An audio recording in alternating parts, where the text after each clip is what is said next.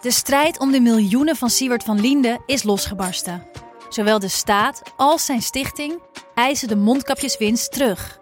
Maar dat die opbrengst in ieder geval niet thuis hoort bij Van Linde, daarover kan toch eigenlijk geen twijfel bestaan. Hoe kon het zo ver komen? Dit is het. We hebben beet. En als Siewert het geld teruggeeft, kunnen wij dit schandaal dan eindelijk loslaten?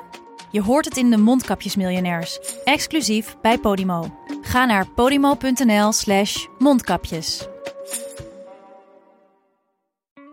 In de podcast Radio Romano met Noortje Veldhuizen Met Marcel van Roosmalen. En met Roelof de Vries.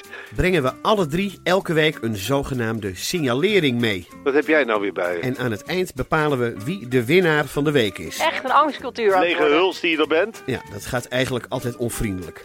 Luister nu naar Radio Romano bij Podimo. Via podimo.nl slash Radio Romano luister je 30 dagen gratis. Welkom. Vanaf de redactie van De Groene Amsterdammer is dit uw wekelijkse podcast. Ik ben Stefan Sanders en ben vandaag uw presentator. Mijn gast vandaag is Dan Afriva. Welkom Dan. Dankjewel. Ik heb het zo opgeschreven. Een Ghanese Amsterdamse schrijver, journalist, historicus. Zeg het zo goed? Ja, ik uh, twijfelde lang over of ik mezelf nationalist of schrijver of columnist moest noemen, maar ik vind schrijver dekt de hele lading wel. En dat Ghanese, Amsterdam, Ghanese Amsterdams, is dat, is dat juist? Ja, want eh, ik heb er lang over nagedacht of ik nou wel of niet een Nederlander ben. En ehm, die twijfels heb ik niet bij Amsterdams, mezelf Amsterdams noemen of mezelf Ghanese noemen, want heel mijn hele leven lang was ik eh, een Ghanese jongen in de klas. Of, en als ik buiten Nederland, Amsterdam ben, dan voel ik me de Amsterdamse jongen. Maar het is zelden dat ik me echt zelf, mezelf beschrijf als een Nederlander, behalve in de formele zin. Maar ik voel me wel enigszins Nederlands, maar die andere twee komen eerst. En het wordt wel lang als je Ghanese Nederlands Amsterdam doet. We zeggen gewoon Ghanese Amsterdams. Ja. Ja. Columnist ben je sinds kort voor het Parool. En ook historicus. En een groot artikel in De Groene deze week. Onder de kop Ghanese, gelovig en de geschiedenis. Of eigenlijk is de kop Ashanti, christen, atheïst. Vraagteken. En dat stuk is weer gebaseerd op de bachelorscriptie die je anderhalf jaar geleden schreef. Wat, wat heb je toen onderzocht in die scriptie? Ik heb toen onderzocht hoe eh, mensen, jongeren uit mijn kerk, eh, Jouw kerk is de... de Methodistengemeenschap Mhm. in eh, Amsterdam. Ghanese Methodistengemeenschap is eigenlijk een vertakking van de Ghanese Methodisten in Ghana zelf. En ik onderzocht, ik bevroeg vier kerkgenoten van mijn leeftijd, rond mijn leeftijd, hoe zij nou kijken naar onze geschiedenis eh, in combinatie met ons heden, zeg maar, onze eh, pre-christelijke geschiedenis en ons christelijke verleden. En hoe zij zich voelen bij dat zij nu wel heel erg, vaak heel erg christelijk zijn en daar ook wel veel trots uitputten. Maar dat, dat geloof eigenlijk eh, gemanifesteerd is door koloniale onderwerping. Want de Britten hebben het, het christelijk geloof eh, geïntroduceerd in Ghana. Ja, de Britten, maar ook wel Zwitserse eh, missionarissen, en Duitsers ook een Nederlander. Maar de, de Britten waren uiteindelijk de eh, uiteindelijk koloniale heersers in Ghana. En zij hebben het wel echt eh, gemanifesteerd. Nog even over methodisten. Ja. Eh, wij zijn in Nederland niet zo heel bekend met methodisten. In Amerika is het heel groot, in eh, West-Afrika. Het, het is eigenlijk eh, Engels, toch Brits, Ja. van de Anglikaanse kerk. Maar vertel jij? Wat ik weet is dat het, de Methodisten hebben mij in de 19e eeuw, of misschien eerder, hebben ze zich eh, afgesplitst van de Anglikaanse kerk. Ik dacht de 18e. Ja, Ja. ik weet niet zeker. Maar ze hebben zich afgesplitst van de Anglikaanse kerk omdat ze een meer sobere variant van het christendom wilden nastreven. En eh, het methodisme is in Ghana gekomen, dus onze methodisme, eh, door eh, John Wesley. Dat was een eh, methodistische voorganger die eh mijn Ghana methodisme heeft gesticht. Ik weet niet precies de geschiedenis ervan, maar Nee, maar dan hebben we enig idee, Ja, hè, want anders praten we zo in het luchtledige. Ehm, nou, ben je- jij bent in Nederland geboren, of niet? ja, ik ben Ja. in Amsterdam geworden.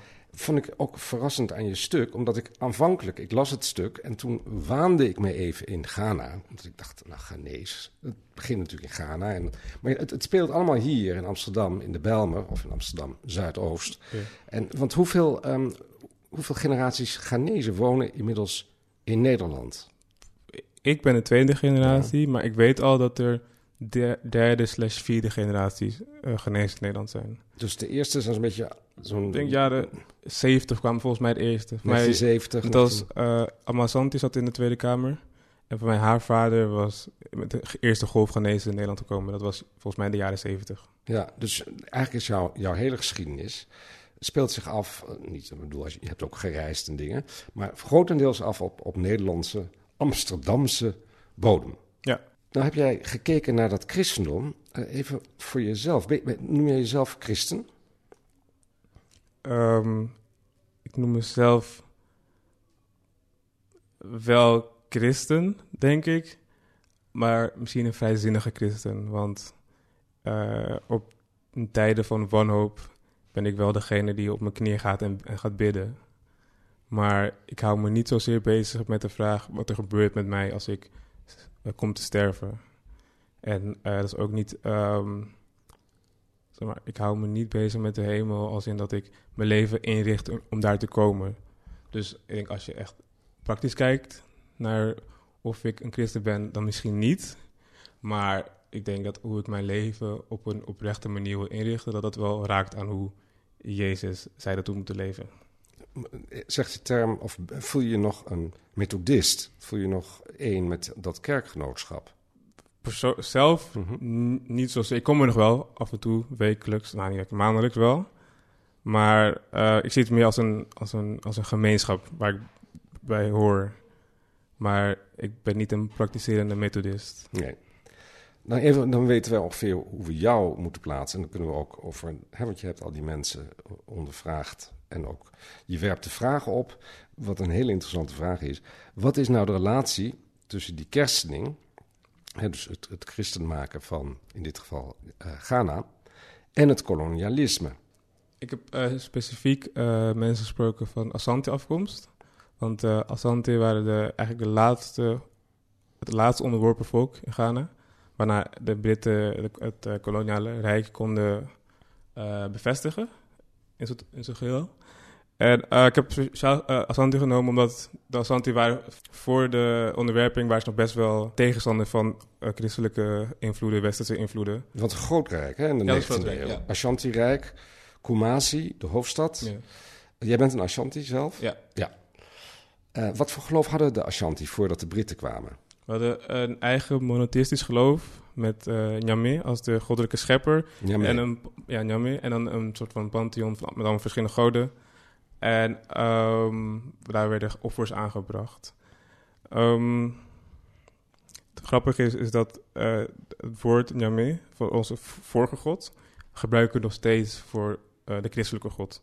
Dus, dus, je zegt niet God, maar je zegt Nyame. Nyame, ja, inderdaad. Ook in de dienst. Ook in ja, de, ja, ja, ja. Dat, dat, is gewoon, Nyame is gewoon God. Dus ik kwam dat ook pas laat achter. Ja.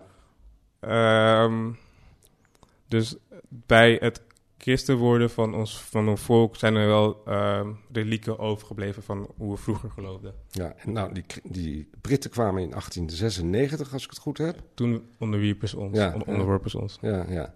Er was een koning. Ja. Nog even iets over dat rijk. Want zegt, uh, het is uh, polytheïstisch in zekere zin, ook meer goden. Een man mocht ook meer vrouwen hebben. Hè, dat was ook een onderdeel daarvan. Um, maar ook, daar schrok ik nogal van, uh, midden in de 19e eeuw, mensenoffers bij ceremonies. Ja, het idee was dat uh, bijvoorbeeld als een vorst doodging, dat hij in het volgende leven ook dienaren moest hebben om, uh, om hem te dienen. In als een vorst doodging. Ja, bijvoorbeeld First, als een koning, ja, Ja. en dan? Zeg maar, hoe, meer, hoe hoger je rang staat, hoe Ja. meer mensen werden geofferd bij jouw begrafenis. En dan, uh, het idee was dat ze in een volgende leven werden uh, uh, dienaren, dienaren nodig hadden om hun te dienen als vorsten. En die moesten dan, Mee, omdat met de, mee. de koning of de vorst stierf, dan, en dan werden zij gedood. Ja, Hoeveel mensen waren dat dan? Belangrijke vorst? Uh, maar ik heb wel eens gelezen, honderden, duizenden mensen. Dat, ik heb wel eens gelezen dat dan, als er dan westerse uh, mensen bij waren, die dan bijvoorbeeld westerse slavenhandelaren waren daar dan bij en die waren dan zeg maar, geschokt over het, de verspilling van het menselijke leven. Maar uh, het gaat dan wel echt om, echt om grote aantallen mensen. Dat kun je je voorstellen dat, dat ik daar erg van schrik. Ik bedoel, midden 19e eeuw. Ik dacht dat het ongeveer bij de Inca's en de Maya's zo'n beetje als cultuur ophield. Het mensenoffer. Ik, toen ik erachter kwam, was ik ook wel geschokt. Mhm. En toen op zulke punten ben ik dan ook wel blij dat, we, dat de Britten zijn gekomen en dat hebben gestopt. Ja, ja ik, weet eigenlijk niet wat ik over moet zeggen. Zeg wat ik dan ook wel eens heb gelezen is in de 19e eeuw is niet helemaal in verhouding, maar dat in, uh, lijfstraffen in Europa, als iemand dan iets had gedaan of een, een uh, delict had gepleegd, dan werd hij opgehangen en gevierendeeld en zo. En daar sprak ik ook van. Dus ik denk dat we in een korte tijd echt heel erg zijn vervreemd van dingen die vroeger heel erg vanzelfsprekend waren, denk ik. Ik vraag, ik vraag, het natuurlijk ook omdat jouw stuk uh, en terecht grote vraagtekens plaatst bij dat kolonialisme. Dat is natuurlijk ontzettend bruut gegaan. Ja. De Gold Coast hè, werd het, Ghana. De Britten komen, de koning werd verdreven. Adjeman Prempe, die werd naar de Seychelles gestuurd. Wat ook al een soort toeristische trip lijkt nu. Omdat we denken, nou, Seychelles. Dat is, uh, maar dat was dus echt een verbanning. De Britten komen, die introduceren het christendom. En dan is eigenlijk jouw centrale vraag... Uh, ja, het christendom, Jezus Christus, is dat niet eigenlijk de white man's religion die op zwarte mensen wordt gedrongen? Dat is jouw vraag, toch? Ja, mijn vraag is of zij, de uh, genezen christen nu, die, jongen, die jongen die ik heb gesproken, of zij met dat beeld kunnen leven. Dat zij eigenlijk een geloof beleiden dat op hun voorouders is gelegd. En hoe zit dat voor jouzelf? Um, op groeiende had ik nooit het idee... Zeg maar, op groeiende zag ik vooral genezen christenen. En, en, de meeste witte mensen die ik kende gingen niet naar kerk. Dus, uh, je groeide op in de Belmer, Ghanese gemeenschap... en je ging naar de uh, Ghanese methodistische uh, ja, precies. En, kerk. En, ja. en, je wist eigenlijk al dat ook... Maar ook, maar, ook Surinamers en Antilliaanse mensen zag ik ook naar kerk gaan. En in veel minder ma mate zag ik witte Nederlanders naar kerk gaan. Dus ik had, nooit, ik had als kind nooit die connotatie met geloof is voor de witte man en ik stelde dan ook geen vraagtekens bij beelden van witte Jezus. Pas toen ik meer geïnteresseerd werd in de geschiedenis en ging nadenken hierover, toen dacht ik wel van, uh, waarom doen we dit nog steeds als wij weten waar het vandaan komt? Waarom gaan we niet terug naar wat we hiervoor deden? Want dat werkte wel voor ons. Maar dan lees ik natuurlijk ook wat dingen over onthoofdingen en zo. Nou ja, we hadden het net al over die uh, mensenoffers. Ik bedoel, het werkte wel voor je, of jullie, zeg je. Ja. Het werkte voor een heel klein aantal mensen, lijkt me. Niet voor de mensen die geofferd werden. Nee. En er waren natuurlijk, ik bedoel, de Ashanti staan ook bekend als slavenhandelaren. Ja. De, voor die slaven werkt het nou ook weer niet zo, zo heel fijn.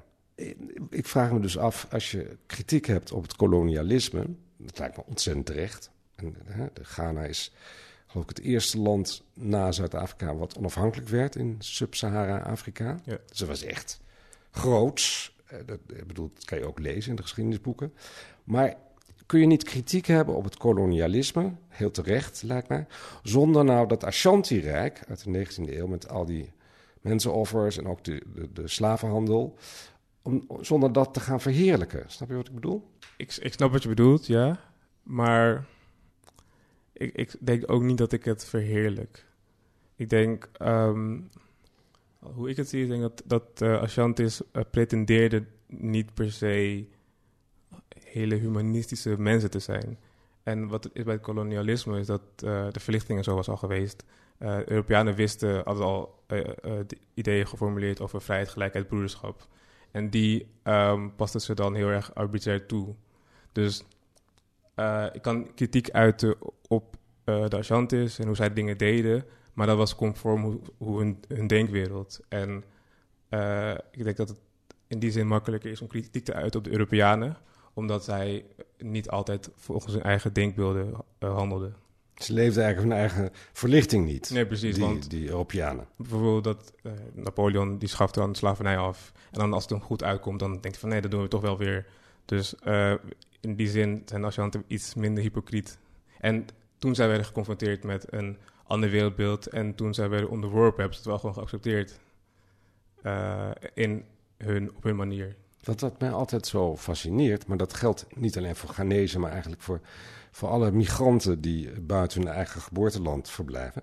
Dat um, er is heel veel christendom, er was heel veel christendom in uh, Groot-Brittannië, in Europa, in Amerika. Maar wat je ziet die, uh, in Ghana is, zijn verschillende stromingen, maar meestal toch protestants-christelijke stromingen. Die zijn, die zijn daar groot geworden. Maar de Ghanese migranten, of de Ghanese Nederlanders of de Ghanese Amsterdammers, die beleiden allemaal een tamelijk strenge variant van dat protestantisme. Dat is niet, zeg maar, de vrijzinnigheid. Je, je noemde jezelf net vrijzinnig. Het is niet, zeg maar, Nederlands gezegd, de remonstranten of de vrijzinnige hervormden. Het is altijd een hele strenge variant van, nou, schuld, boete. Met andere woorden zijn migranten geneigd orthodoxer nog te zijn dan de mensen in het land van herkomst.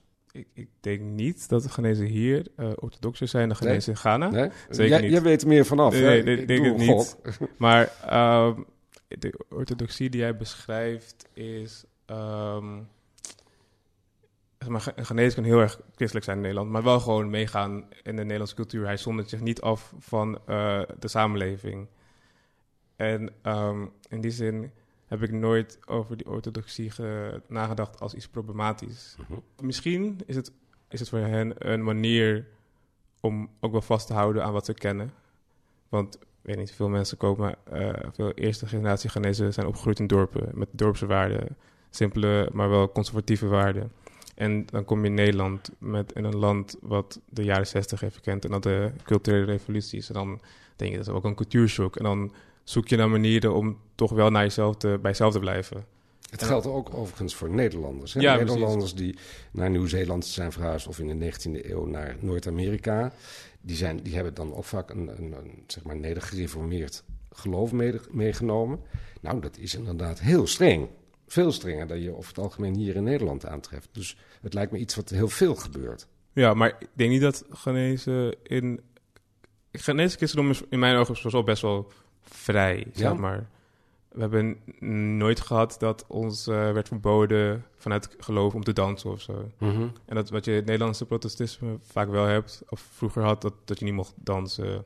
Dat heel veel levensgeluk een beetje werd beperkt. ik heb dat bij genezen. Bij genezen gaat, zeg maar, dat orthodoxe gaat heel erg samen met wel met genieten van het leven. Je, je danst in een kerk en je, uh, je geniet van uh, de liefde van Jezus. Dus um, ik denk dat het anders is dan hoe uh, witte Nederlanders orthodox kunnen zijn. En als jij, want je zei nou zelf dat je niet meer traditioneel methodistisch bent. Nee. Is dat dan problematisch in jouw kerk? Dat je dus minder vaak komt en minder stellig gelooft? Uh, als het ter sprake komt, is het wel altijd dat uh, mensen wel willen weten wat ik denk. En dan praten ze met me erover. Maar um, het is ook niet dat ik een kerk verlaten ben. Dan dat ik mm. heel erg ik heb vroeger wel eens gedacht van, uh, ik haat kerk, ik wil niet nooit meer terug naar kerk. Maar dat, dat was in de jongere jaren, dat ik sowieso alles radicaler was. Maar uh, ik heb uh, ervaren in mijn kerk dat als je twijfels uit, de mensen wel eerst bezorgd zijn voor hoezo twijfel je, val je van je geloof af, maar daarna wel met je in gesprek willen gaan. En ik denk dat ik altijd wel heb uitgestraald dat ik voor mezelf nadenk. niet dat ik ooit heb geloofd omdat het omdat ik het van de rest moet. Dus um, ik denk dat in, in mijn christendom, dat ik gewend ben, wel ruimte is voor twijfels. Maar als je, als je genezen bent, ben je altijd wel een soort van gelovig. Dus het valt... Zeg maar, als ik echt... Kijk, genezen is gelovig. In mijn ogen, ja? genezen is altijd wel een soort van geloof. Of je bent spiritueel, of je bent moslim of christendom. Maar, en als je dan echt niet meer um, gelovig wil zijn, op welke manier dan ook, dan brokkelt er waarschijnlijk wel iets van je geneesheid af. Maar dat is hoe ik het zie. Misschien is het niet voor iedereen zo. En als je nou zegt, goh, ik ben genees en ik ben bijvoorbeeld methodist... En maar kom erachter dat ik ook op 16, 17 jaar leeftijd gay ben. Is dat een probleem? Uh, het ligt eraan wie het vraagt. Nou ja, ik vraag het maar. Aan mij. maar in Ghana zelf bijvoorbeeld is er nu heel veel te doen om uh, anti-gay-wetten die misschien worden doorgevoerd. Uh, maar ik denk dat als je als je, als je ervoor uitkomt bij je ouders. Maar ja, ik kan alleen voor, voor mijn ouders mhm, spreken. Mhm. En als ik zou zeggen tegen mijn ouders dat ik gay ben, zou ze sowieso verrast zijn, want ik heb een vriendin. Ja. Maar uh, dan zouden ze eerst willen begrijpen. Want het voor hun opgroeiende, mijn vader zegt het ook wel eens, maar ze hadden wel altijd wel mensen die dan, mannen die dan uh, gewoon die zich dan vrouwelijk gedroegen, vrouwelijke kleding. kleding dat is nou juist eigenlijk die oude Ashanti-cultuur. Dat het niet, hè, dat, dat, mannen met mannen en vrouwen met vrouwen eh, dat, dat heette geen homoseksualiteit, maar dat had dan vaak religieuze Ja, het kwam me voor inderdaad. ja. Dus maar, maar dit hele, hele conceptualisatie van gay of lesbi, dat, is, Tuurlijk. dat is, is niet iets waar zij Nee. mee opgegroeid zijn. Dus als jij tegen je genezen ouder gaat zeggen van ja, ik ben gay, dan dat, hoe bedoel je gay? Maar hij, ik kan zeggen van ik heb een keer seks gehad met een man. En Hm. Ja. dan, dat, dat, dat is zeg maar tastbaar voor ze. Maar als je dat een keer klinkt alsof je op een bepaalde manier te verwesterd bent gaan denken, denk ik. Hè? Dat is wat ik... Ja, nee, maar ik- dat kan ik me voorstellen. Weet je wat mij opvalt dan? Je geeft wel antwoord, maar het lijkt of je heel terughoudend bent in je antwoorden. En ik verzin dan, dat komt omdat dit onderwerp heel gevoelig ligt binnen de Ghanese eh, Nederlandse gemeenschap. Klopt dat? Klopt, ik ben voorzichtig, omdat ik me bewust van ben dat als ik nu iets zeg eh, wat generaliserend kan zijn over Ghanese, dat ik morgen, vanavond eh, berichten kan ontvangen van mensen die dan zeggen van ja, eh, hoezo werp jij op als zeg maar, de Ghanese in Nederland en verkondig jij dingen die niet per se overeenkomen met hoe wij hierin in staan. En eh, dat is dan natuurlijk, eh, zijn dan stemmen uit mijn gemeenschap waar ik me wel verbonden mee voel. En ik heb niet het idee dat ik wil breken met die gemeenschap. Dus ik, het voelt alsof ik een beetje aan het balanceren ben op het gebied van ik wil oprecht en zeggen wat ik denk en geloof. Maar ik wil ook niet onnodig mensen voor het hoofd eh, stoten. Dus dan had ik wel gelijk in mijn idee dat je terughoudend reageert. Ja, dat je niet zeker. het ach- achterste van je tong laat zien. Ja, zeker. Eh, ik hoop dat ik eh, over een tijdje, of een paar jaar, misschien iets steviger hierin sta. En dat ik het gevoel heb dat ik gewoon kan zeggen wat ik wil, zonder dat ik mezelf te veel censureer. Maar dit is natuurlijk wel iets dat vooral uit mezelf komt. Ik, niemand heeft mij van tevoren opgelegd om niet iets te zeggen. Maar wat zeggen ze altijd? Heb daar een spreekwoord voor. Eh, voorkomen is beter dan genezen. Voorkomen is beter dan genezen. Kan je ook zo sturen. maar dan op een, op een goede manier. Voorkomen is beter dan genezen op je dak krijgen. Nou, mag ik jou dan in ieder geval toevoegen dat in al je terughoudendheid ik toch vooral je moed bewonder. Dankjewel. Eh ik voel me niet moedig, maar dankjewel. Eh, laten we even teruggaan eh, naar je artikel. Je hebt dus een aantal eh, mensen, kerkgenoten, niet kerkgenoten, eh, gesproken.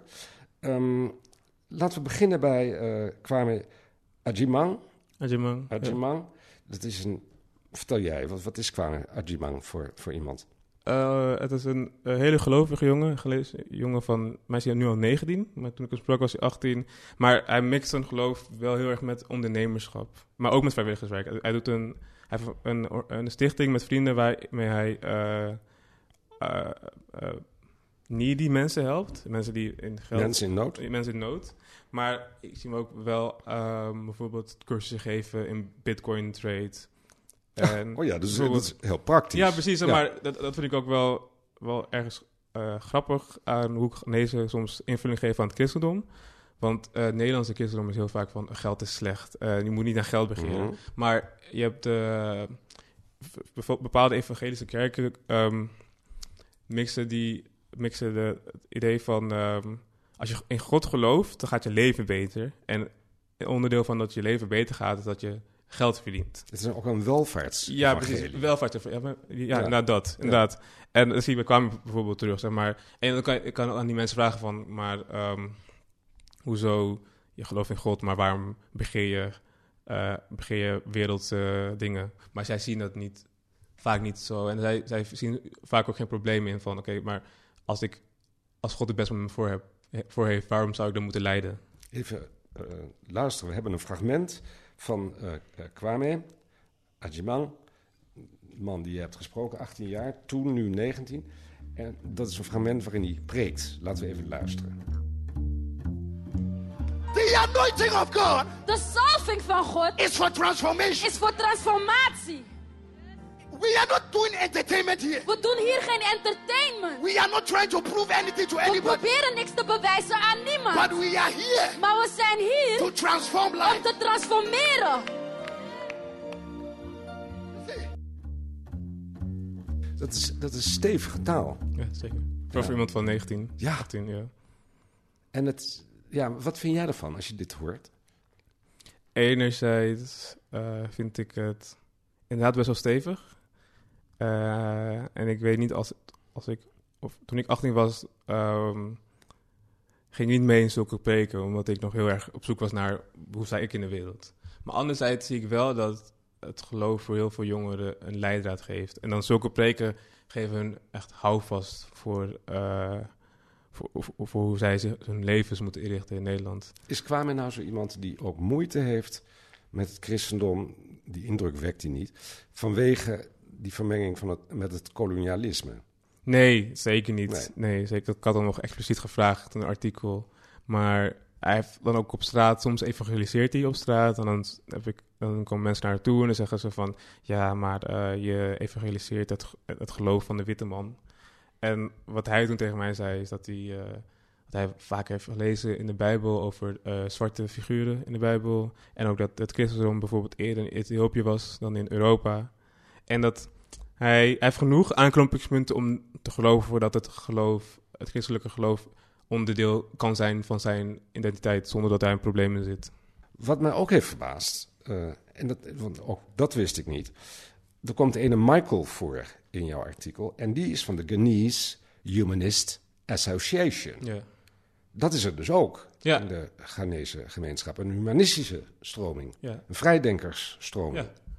Eh, daar ben ik op gekomen toen ik het, het stuk eigenlijk af, maar ik had geen niemand die hier tegen inging. Iedereen was eigenlijk van, oké, kolonialisme bestaat wel, bestond wel, maar het verstoort mijn beeld op het geloof niet. Toen ging ik zoeken naar mensen die daar anders in stonden. En toen kwam ik op eh, de humanisten van, uit Ghana. Had Hoe ik groot zijn die? enkele duizenden leden volgens Ja, mij. ja, dus relatief klein. Relatief klein, zeker. Ja, Maar ze roeren zich heel erg in eh, discussies in Ghana over... Bijvoorbeeld, nu is LGBTQ in Ghana een ding, een, een discussiepunt. Nou, in Nederland geloof ik ook. Ook, maar in, in Ghana is het echt... Ja. Echt. Het voelt voor, in Ghana voelt het als een, alsof een, een, een vreemd debat nu in Ghana plaatsvindt. Vreemd in de zin van niet eigen. Want maar, er komt een wester- westerse conceptualisatie is komen nu naar Ghana. Zeg maar, LGBTQ+, dat is niet iets wat eh, in Ghana van de grond gekomen is. Dat is maar, ja, natuurlijk al de mensen die zich anders voelden en andere seksuele voorkeur hadden en zo. Maar eh, nu komen de concepten een beetje overwaaien. Is het ook niet dat er heel veel Amerikaanse evangelicals zijn... die heel Ook. grote invloed hebben in Ghana bijvoorbeeld? ook. Maar ik denk bijvoorbeeld de humanisten vinden hun eh, support meer op sociale media. Van eh, ook mensen die met westerse concepten in aanraking komen en zich daarin terugvinden. En wat zij doen is ehm, voor mensen die bijvoorbeeld dus niet meer gelovig willen zijn, of het nou islam is of het christendom. Zij bieden voor hun safe spaces, zeg maar, huizen waar ze in kunnen zitten en zeg maar, veilig van mensen die hun misschien kwaad willen doen omdat ze afstappen van hun geloof. Want dat is dus wel degelijk nodig, die safe houses. Ehm, jammer genoeg wel, ja. Zeg maar, Ook in Nederland? in Nederland, dat weet ik niet. Maar voor genezen die in Nederland van zijn geloof afstapt, dat gaan, niemand gaat hem daarvoor kwaad doen. Mhm. Voor christendom dan. Ik weet niet hoe het bij andere geloven zit. Maar in Ghana is het blijkbaar wel nodig. Vooral omdat het, zeg maar, geloof in Ghana is nog zo vanzelfsprekend, dat als je zegt dat je niet gelovig bent, dat mensen daarvan kunnen schrikken, denk ik. En dat, ik denk als die schrik dan collectief is, dat het dan weliswaar misschien gevaarlijk kan worden. Ja. Nou, wou ik nog iets laten horen. Een, een, Ghanese gospel. Eh, gewoon omdat ik het een, mooi, mooie, mooi lied vind. Ik ga dit goed proberen uit te spreken en jij gaat mij vooral verbeteren. Als ik het, het is namelijk een groep die heet Yassapong en die Asomofo. Heb ik dat goed gezegd? Uh, Yao Sapong Ja. en uh, Asomofo weet ik ook niet zo goed uit te spreken. Ik, uh, ik vroeg mijn broer om uh, leuke deuntjes uit Ja. gaan en toen stuurde hij me dat door. Hij vindt het leuk. Nou, ik vond het erg st- sterke muziek. Laten we even luisteren.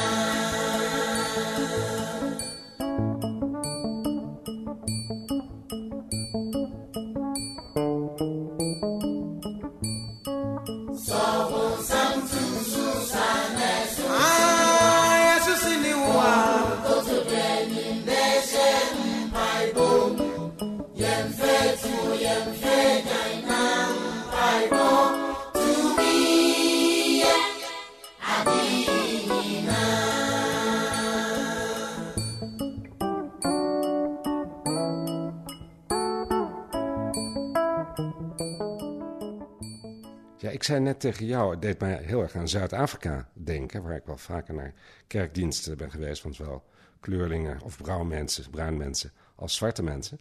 Um, dit is toch weer anders. Wat, wat zingen ze hier? Ze zingen als uh, de duivel uh, te, veel, uh, te veel last wordt voor je.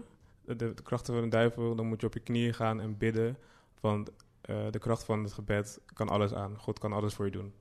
Het swingt wel. Ja, zeker. Op deze manier is het ook niet moeilijk om christen te zijn. Nee. Het is ook echt leuk. Ik bedoel, ik wil wel naar die kerk Ja, als als- ik deze muziek hoor. Mijn kerk die is vaak ook gewoon een feestje. Het is gewoon heel erg leuk om christen te zijn. En dan snap je ook wel dat mensen heel erg geloven in het, eh, de liefde van God. Want je krijgt ook wel een warm gevoel van Ja. de diensten. Ten slot, je hebt nou die mensen gesproken, jouw leeftijdsgenoten, ietsje jonger, ietsje ouder. Schrok jij van je bevindingen toen je met eh Nederlands of Amsterdamse Ghanese eh, generatiegenoten sprak over hun christendom en de verknoping met het kolonialisme? Ik schrok niet, want ik zag wel dat iedereen heel erg, erg geloof was. Ik, ik dacht wel... Waar ik van schrok, op Mhm. groeiende, dacht ik altijd dat... Oké, wij zijn... Onze ouders waren christelijk, maar wij zijn geboren in Nederland. Wij kunnen het juk van ons afwerpen. En ik ben geschrokken van dat heel veel van mijn leeftijdsgenoten... toch heel erg gelovig zijn gebleven of zijn geworden. En ook een eigen diensten organiseren, een eigen christelijke vereniging hebben.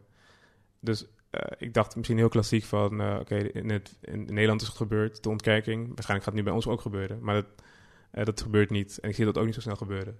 Dus daar ben ik wel van geschrokken. Niet per se negatief, maar Verrast, Verrast, verbaasd. Ja. En tot slot, je hebt dit artikel geschreven dan. Hoe gaat het verder met jou? Ga jij hier blijven? Ga je meer of minder gelovig worden? Ga je toch weer eh, naar Ghana? Ik zeg niet terug, want je bent Nee. hier geboren. Ga je misschien wel naar China om een carrière te maken? Ik weet het niet. Eh, ik ga in ieder geval studeren, komend jaar geschiedenis. En misschien doe ik da- daarin meer met Ghana. Maar ik zal ooit wel even Ghana willen wonen. Maar ik ben wel echt heel erg geworteld in Nederland. Maar ik zal in Ghana willen wonen om vanuit daar te schrijven over, eh, van, eh, Ghana, maar naar Nederland. Eh, en verder met mijn geloof. Ik denk wel dat ik, als ik ooit kinderen heb, dat ik ze wel af en toe meeneem naar de kerk. Want ik wil niet dat wat, mij heel wat voor mij heel erg gewoon is, dat zij dat vreemd gaan vinden. En dan mogen zij natuurlijk zelf kiezen wat ze ermee doen. Maar ik, ik wil wel dat als ik later Ghanese gospel opzet, dat ze begrijpen. En dat zij wat mijn moeder leuk vindt om te luisteren ook wel leuk vinden.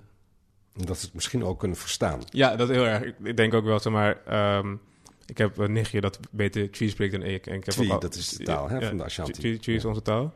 Nederlanders zeggen altijd Twi, maar het is Tree. Eigenlijk Twi, is het ja. Maar ik, ik denk dat ik wel, als ik ooit kinderen heb, dat ik ze dan eens per week naar mijn nichtje stuur. Zodat ze eventjes Tree om zich heen horen en dan weer terugkomen naar mij.